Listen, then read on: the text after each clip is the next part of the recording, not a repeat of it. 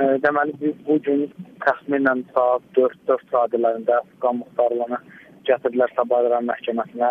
Məhkəmə onun haqqında 3 aylıq həbs qəti imkan tədbiri çıxartdı və vəkil Elçin Sadıqov bildirdi ki, bu gün əlavə olaraq bir dənə cinayət məcəlləsinin bir maddəsi üzrə də ittiham elan olundu. 315.1-ci maddə ilə hakimiyyət nümayəndəsinə müqavimət və tutarılan böyük ehtimal sabahların Şurdaxanı qəzetxanasına bir saylı Bakı qəzetxanasına keçirəcəklər. İşinlə bağlı əlavə iki dənə də vəkil qoşulub bu gün. Nemət Kərtli və Osman Kazımov. Məhkəmədə Aslan özü də bildirib onu edəcəklər. Gürcüstanın kriminal polisi var, onlar həbs ediblər. Məhkəmə nə qədər müddət davam elədi? Məhkəmə təxminən elə uzun çəkmədi. Məhkəmə təxminən 1 saat davam elədi. Aslan belə oradaydı. Çıxanda girəndə gördü hamı. Sarılı döyülübdü, o saxlanan vaxtı. Bizdə onu kriminal polis onu tutubdu və həmin vaxtı onu döyüblər. Üzündə işgəncə izləri var. Sonra sol tərəf qabırğalarından ehtimal var ki, biri qırılıbdır. Çünki deyir ağrı var onda. Vəkil apellyasiya məhkəməsi ilə bağlı bir şey dedimi? Vəkil vəsatət veriblər məhkəmədə. Biri o idi ki, e, e, sağlamlığına bağlı ekspertiza təyin. Məhkəmə imtina edildi. Halbuki orada Əfqan muxtarlığı işgəncə edilib, o zədə izlərini orada göstəribdi, amma məhkəmə təmin eləməyibdi. Elçin Sadılov bildirdi ki, pozuntularla bağlı apellyasiya şikayət verəcəklər. Yaxın bir iki gündə apellyasiyaya rəsmi müraciət olunacaq. Yəni Gürcüstan cəmiyyəti biz izləyirik. Biz orayla oradakı vətəndaş cəmiyyəti nümayəndələrinə, jurnalistlərlə kontaktdayıq, əlaqədəyik. Onlar bu hadisədən həqiqətən çox pərt olublar. Onlar bu hətta yəni bu prezident səviyyəsində artıq məsələyə açıqlama verildi ki, yəni bu Gürcüstan üçün çox ciddi haldır. Amma hökumət tamam başqa açıqlama veribdi.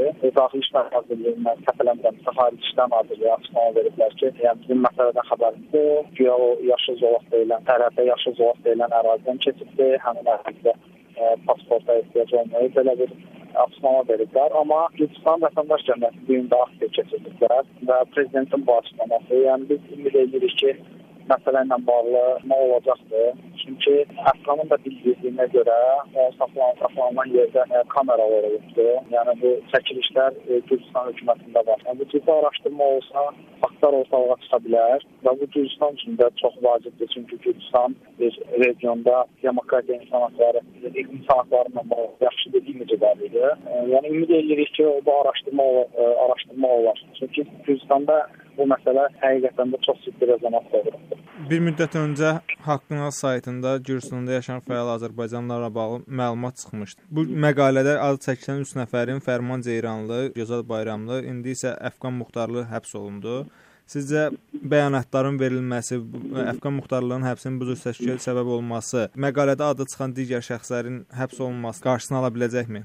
Yəni məlum məqalədə bir çox adamın adı var və Əfqan Muxtarlığında həbs olunmamışdan əvvəl Gürcüstanda olan digər fəalların hansı ki məqalədə onların da adları var. Vəziyyətlə bağlı ciddi narahatlıq bildirirdilər. Əfqan Muxtarlı bununla bağlı dəfələrlə yerli və beynəlxalq mətbuat açıqlamalar vermişdi. Yəni əlbəttə ki, e, Azərbaycan hökumətinin belə öz başına qonşu ölkədə əməliyyat keçirməsi, insan o insan oğurluğuna əl atması hansı ki, Gürcüstan hökuməti də bunda Azərbaycan hökumətinə şərik olur. Yəni bu onu deməyə əsas verir ki, digər insanların da ə, e, həyatına, digər insanların vəziyyətinə çox ciddi təhlükə hələ də qalır. Əgər Gürcüstan hökuməti bu məsələ ilə bağlı ciddi araşdırma aparsa, onda biz deyə bilərik ki, Gürcüstanda olan fəallarla bağlı ə, e, o problem yoxdur. Amma ə, e, faktiki indiki vəziyyətdə ə, onların həyatına təhlükə var. Məsələn, Daşqın ağalarlı ayın 10-una qədər ə, ona vaxt verib.